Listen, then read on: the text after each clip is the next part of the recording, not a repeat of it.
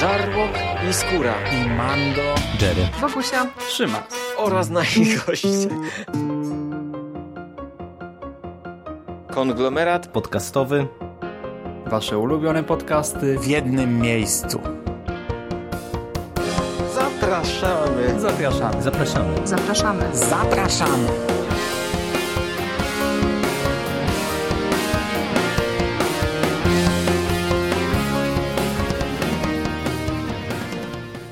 Witam Was bardzo serdecznie w kolejnym odcinku konglomeratu podcastowego. Z tej strony Michał Rakowicz, czyli Jerry.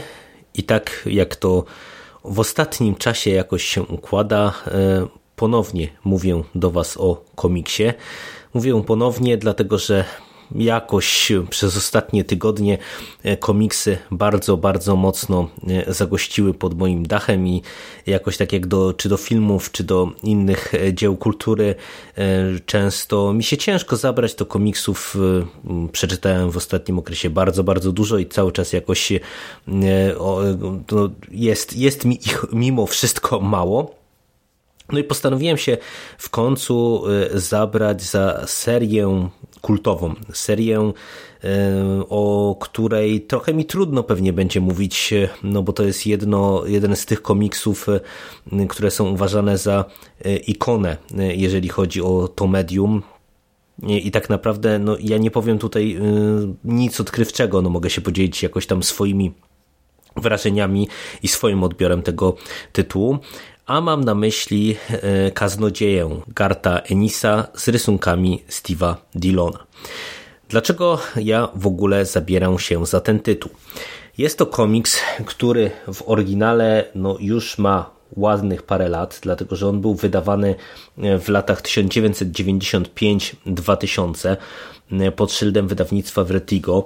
Zamknął się w 66 zeszytach e, plus tam kilka zeszytów takich jakichś specjalnych i kilka miniserii dodatkowych. Całość zamykała się w 12 tomach tych takich standardowych, 12 tradeach standardowych, które w Polsce też były w całości wydane, bo Egmont y, Kaznodzieje pierwotnie wydał w latach 2002-2007, jeżeli ja dobrze pamiętam, e, a od 2007 roku e, wznowił Kaznodzieje w tym wydaniu w twardej oprawie, w którym mamy po dwa tomy na dany album i w grudniu, czyli już e, za parę dni, e, a wydaje mi się, że już chyba nawet ten ostatni tom jest dostępny, e, Kaznodzieja będzie wznowiony w całości. No ja mając na półce całą, całe to wznowienie, no postanowiłem właśnie co nieco wam o nim opowiedzieć i, i tak wybrałem wariant po dwa tomy na podcast. Myślę, że tak będzie co nieco do poopowiadania. No i tak jak mówię, dlaczego ja się za to e, dopiero e, zabieram? E, z jednej strony oczywistym jest, że po prostu chodzi o wznowienie. Dwa, ja może nie powinienem o tym mówić publicznie, ale Kaznodzieję w całości ja będę czytał po raz pierwszy dopiero przy okazji właśnie tego wznowienia. Ja tak naprawdę nie wiem, jak ta historia się kończy.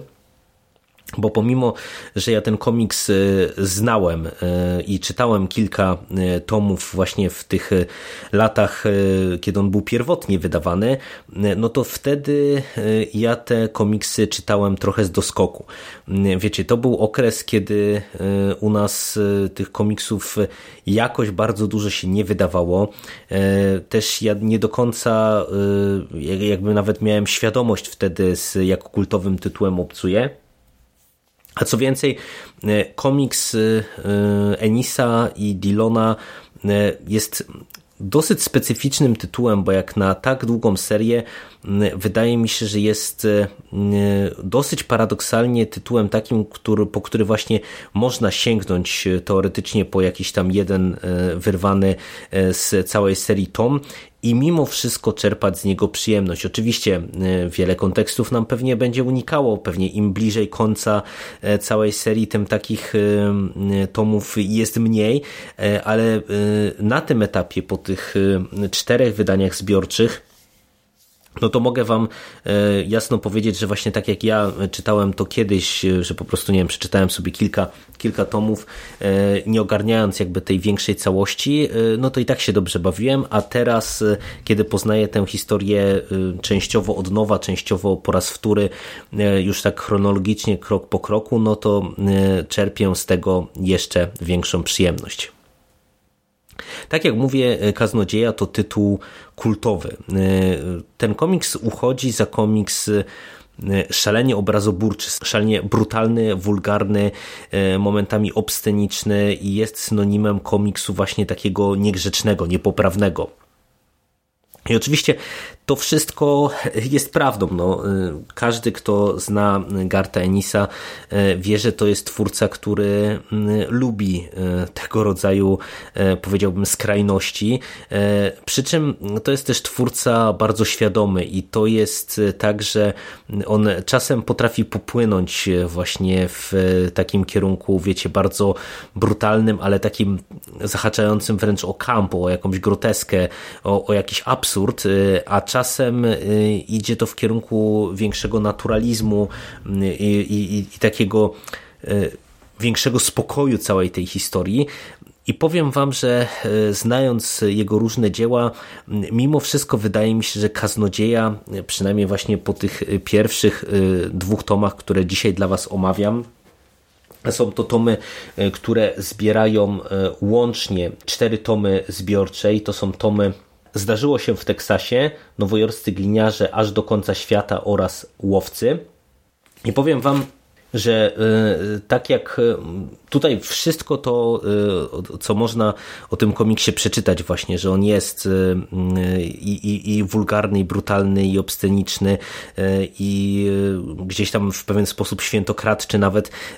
Oczywiście to jest prawda, ale wydaje mi się, że to jest krzywdzące, jeżeli będziemy ten komiks tylko z tej perspektywy rozpatrywać, bo naprawdę Ennis w wielu innych swoich komiksach dużo bardziej do dechy dociskał pedał gazu, a tutaj e, naprawdę odnosi się wrażenie, że on trzyma się bardzo mocno w ryzach tej opowieści, że on chce opowiedzieć konkretną historię, konkretnych postaci, jest na tym na tyle skupiony, e, że e, no, gdzieś tam e, potrafił się zdyscyplinować na tyle właśnie, żeby gdzieś tam te, te takie wybijające się często w innych jego dziełach elementy właśnie czy brutalne, czy, czy obsceniczne, one nie przysłaniały tego meritu.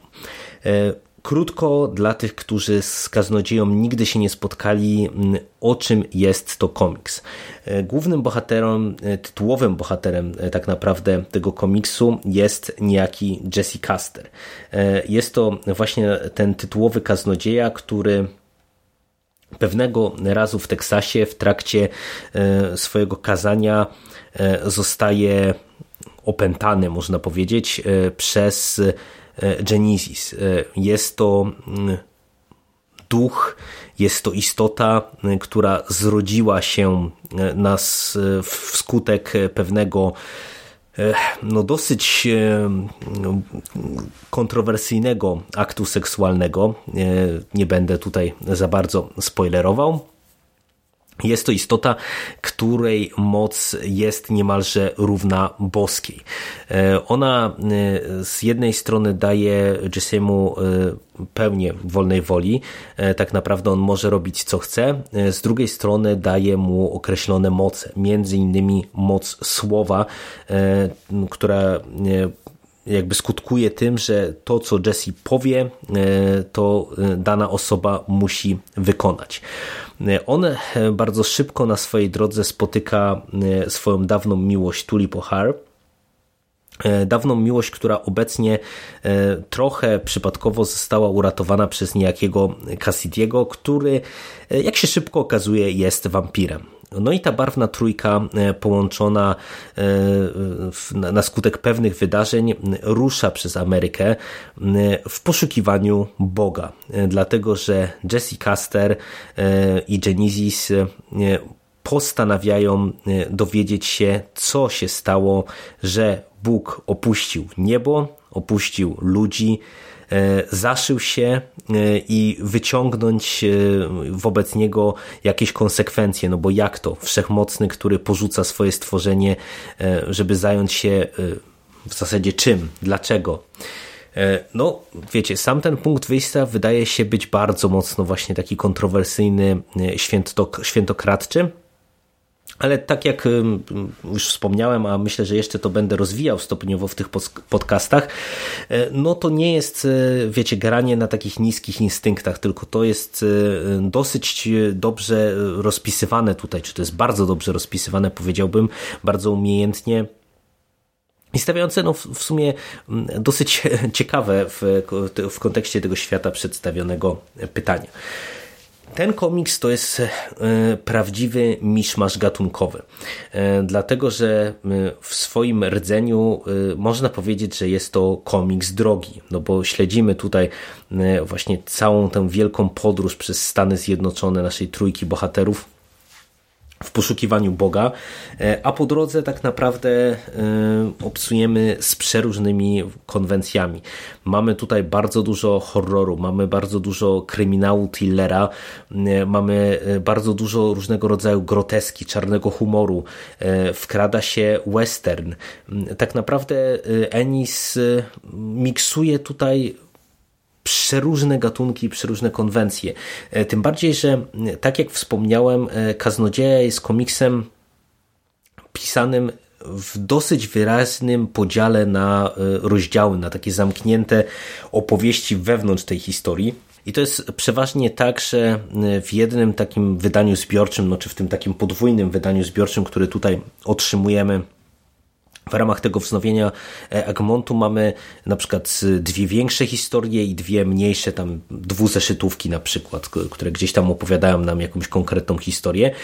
I oczywiście każda z tych opowieści posuwa nam w pewien sposób e, akcję do przodu, e, ale to są też historie poprzeplatane, czyli na zasadzie mamy większą historię, która jest fundamentalna dla całego tego uniwersum, jak na przykład w drugim wydaniu zbiorczym pojawia nam się sekretna organizacja Gral e, i niejaki pan Star, który postanawia pojmać Jesse'ego Castera i wykorzystać go e, w swoim niecnym planie. I z tego co ja pamiętam, to ta organizacja chyba będzie jednym z głównych przeciwników i Star będzie jednym z głównych przeciwników Castera e, w jego e, drodze, w jego misji. Natomiast właśnie pomiędzy tymi większymi historiami są e, historie takie trochę spowalniacze, kiedy wiecie, mamy e, na przykład opowieść o pewnym seryjnym mordercy, na którego Jesse i Cassidy e, wraz z Tulip wpadają w Nowym Jorku. Mamy jakąś retrospekcję z Cassidym, która opowiada nam, jak do tego doszło, że został wampirem i wiele, wiele pomniejszych opowieści, które są o tyle też fajne i o tyle interesujące, że e, czytelnik nie ma poczucia, mm, powiedziałbym, takiego rozwodnienia, w tym sensie, że mamy e, bardzo mocne te historie główne. No, na przykład e, opowieść finałowa w drugim tomie, kiedy to dowiadujemy się, jak doszło do tego, że Jesse Caster porzucił w przeszłości Tulip e, swoją wielką miłość, dlaczego do tego doszło i dlaczego został w ogóle kaznodzieją.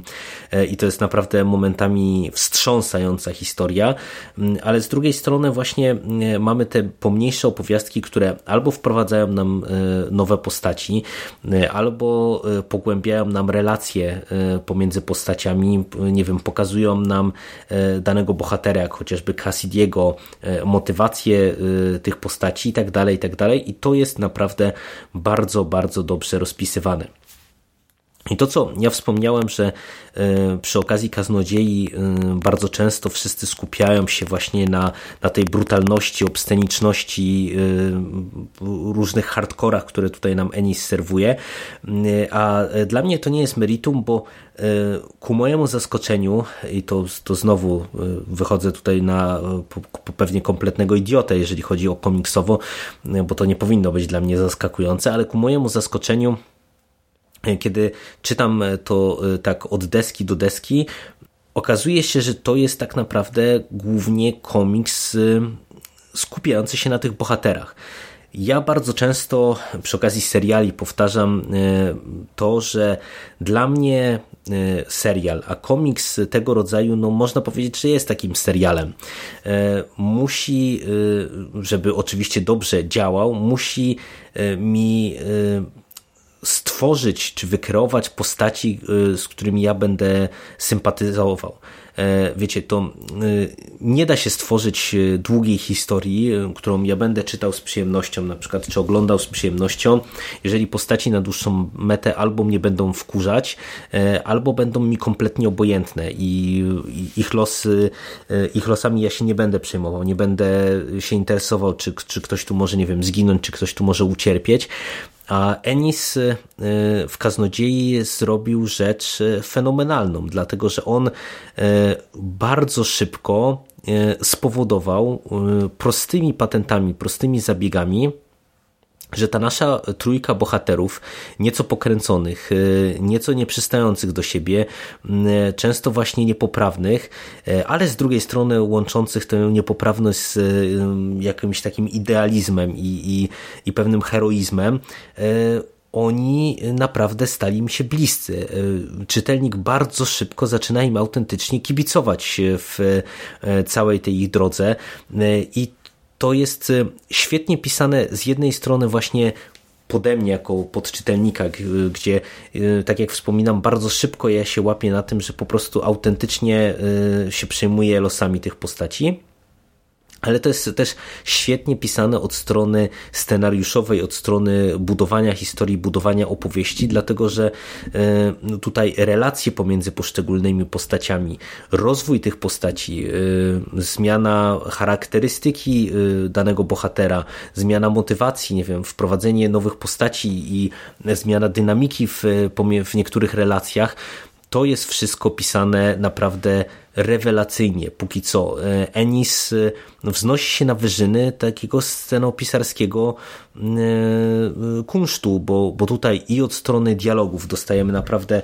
sporo mięsa i to nie chodzi mi tutaj o bluzgi, których jest tutaj oczywiście co niemiara, ale, ale naprawdę chodzi o świetnie rozpisane, dynamicznie żywe dialog, dynamiczne, żywe dialogi, ale chodzi tutaj też właśnie o zaprezentowanie e, relacji pomiędzy różnymi bohaterami i to nie tylko tymi pozytywnymi, z którymi empatyzujemy, ale także tymi negatywnymi, e, bo trzeba też sobie jasno powiedzieć, że ci źli w kaznodziei, no to czasami są źli do szpiku kości.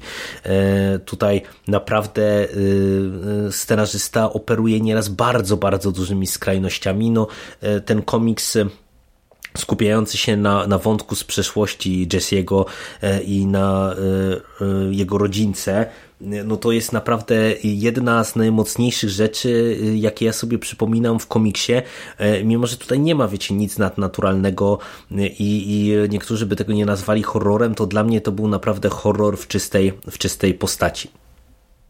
I tutaj e, to, co e, zasługuje też na bardzo dużą pochwałę, to jest właśnie ten systematyczny rozwój tego świata.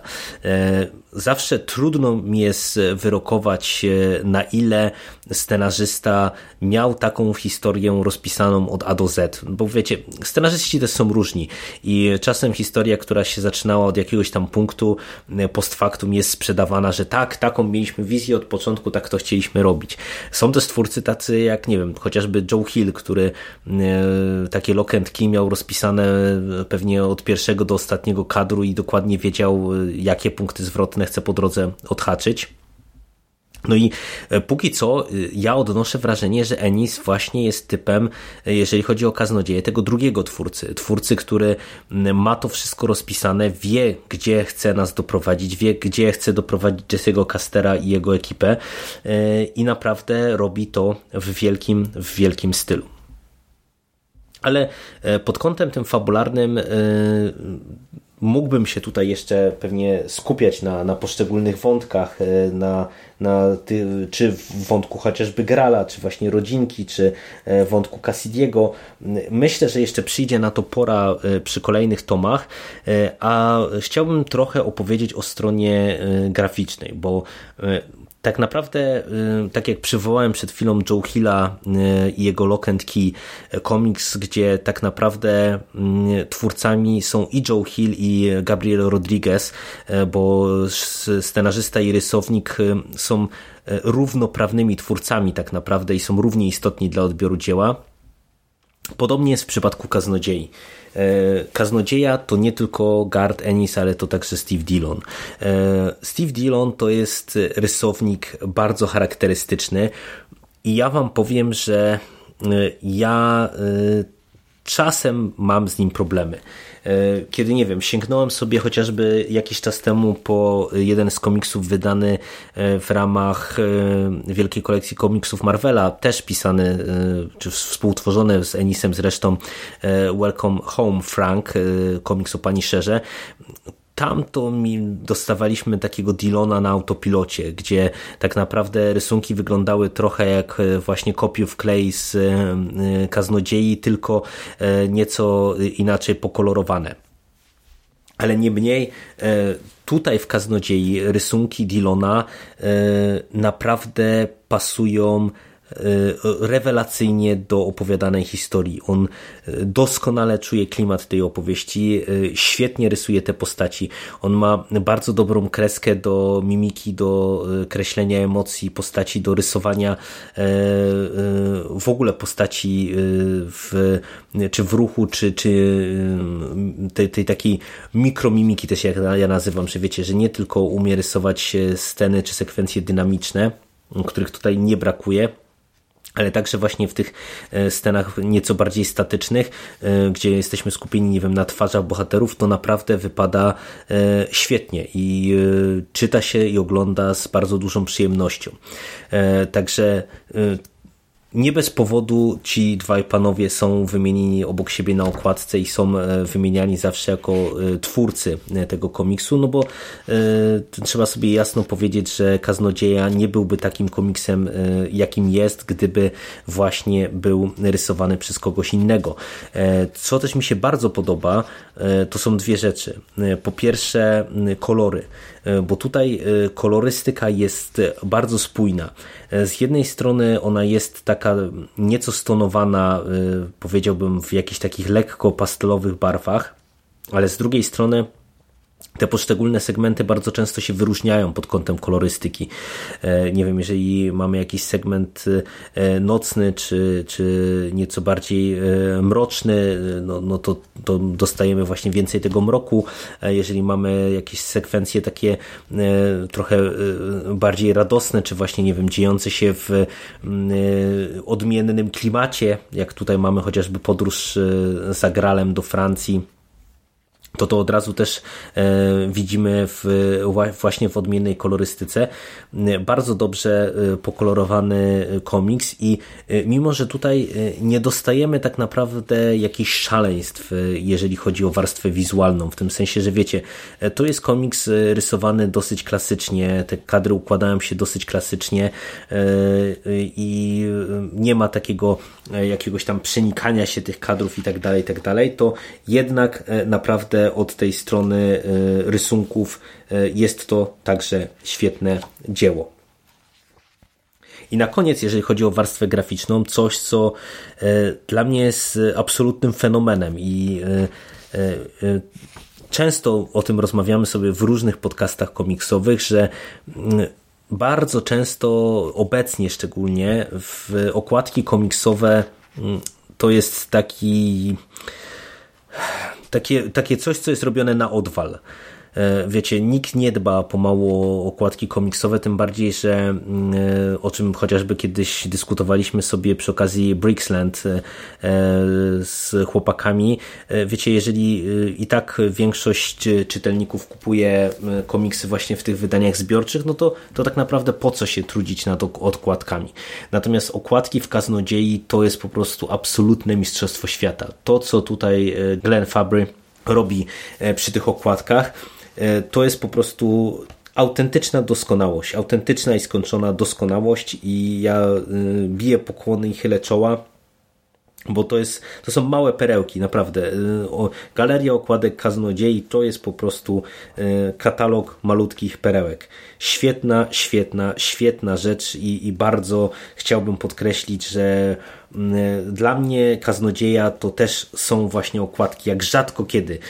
To jest pełnoprawny element całości tego komiksu.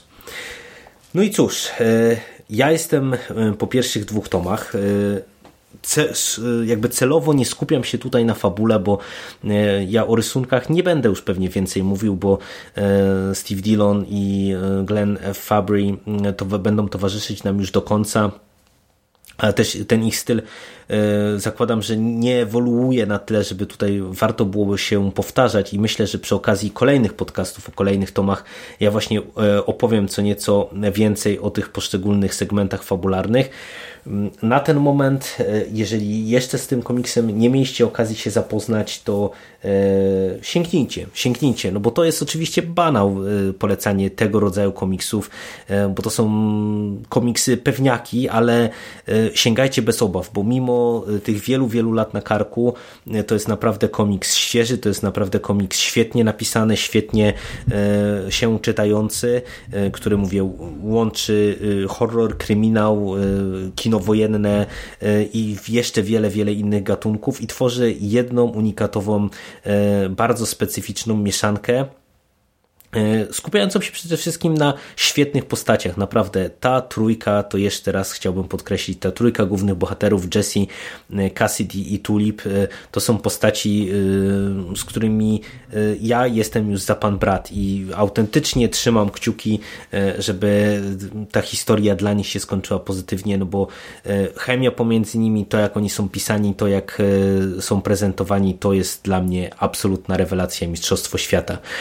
No i cóż, ode mnie na dzisiaj to tyle. E, za czas jakiś, myślę, spotkamy się e, niedługi, e, mam nadzieję, przy okazji kolejnych dwóch tomów, a wkrótce opowiem Wam, jak z mojej perspektywy prezentuje się całość tej historii. Na dzisiaj to wszystko. Dzięki i do usłyszenia. Cześć.